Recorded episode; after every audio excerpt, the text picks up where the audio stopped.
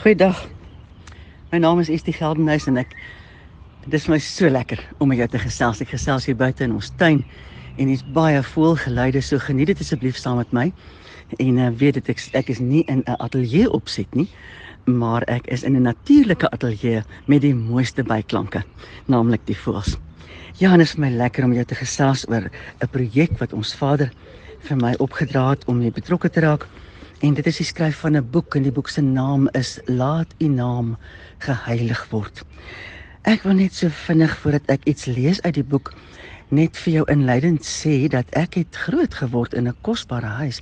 My ouers was die pragtigste mense en ons was 'n gesin van 5 kinders wat regtig waar daar was liefde in ons huis en ons het 'n huisgodsdiens gehou en ons was kerkmense. En tog toe ek self 'n ma van 4 was en by Radio Kansel begin werk, het ek besef dat daar iets kort kom. En my uiteindelike antwoord was dat ek baie mooi godsdienste geleef het, maar dat ek nie met 'n intieme liefdesverhouding met die enigste God wat leef geleef het nie. Ek het godsdienst beoefen en nie verhouding nie. Dit was my baie ontstellend en ek het met ons Vader begin praat en hom raad gevra en ek het onder andere van gevra ek weet nie ek verstaan nie wat dit is om hom lief te hê nie want ehm um, vir my moes dit hande en voete kry.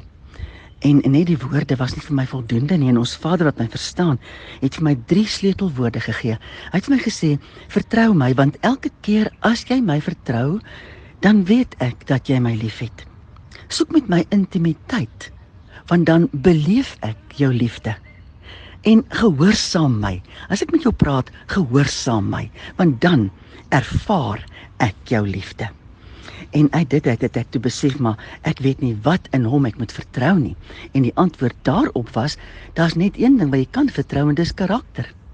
En so het ek die karakter van die Almagtige begin bestudeer.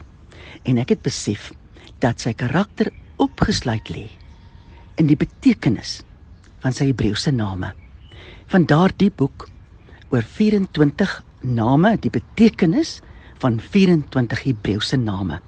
En ek wil dan graag vir jou net so inleidend wat ek geskryf het oor die naam El lees. El beteken die almagtige, die sterk een.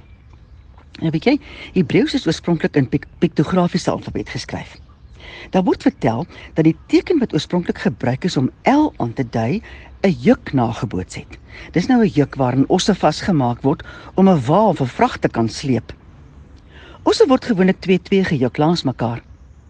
Deur die eeue heen was dit die gebruik om 'n jong en onervare os saam met 'n sterk en ervare os in 'n juk te span. Op dië manier kon die jong os van die ou os leer wanneer die ou os die leiding neem en die jong os gevolg het. Die krag van die ou os was ook van groot belang. As die jong os in 'n verkeerde rigting sou beer, moes die ou os genoeg krag hê om die rigting te bepaal die pragtige beeld van die twee osse saam in een juk. En veral die feit dat die beeld van 'n juk gebruik word om L te beskryf. Hou 'n boodskap in wat 'n mens baie stewig in jou hart moet vasmaak voordat jy die volle betekenis en toepassing van hierdie naam oorweeg. Besef dat L reeds in die juk staan. sien dan hoe jy langs hom gejuk word. Hy ken die pad wat aan jou onbekend is. Hy ken die beste roete na die eindpunt. Hy het genoeg krag wanneer jy geen krag oor het nie. Jy kan jou op hom verlaat vir die regte rigting. Sy krag is altyd teenwoordig. Wanneer jy voel dat jy nie meer kan aanhou nie, sal hy jou saamneem omdat sy krag genoeg is vir julle albei. Verder Dink daaraan dat jy nooit alleen is nie. Jy stap jou lewe in in een juk saam met L. Nooit aan jouself oorgelaat nie. Tensy jy kies om weg te breek.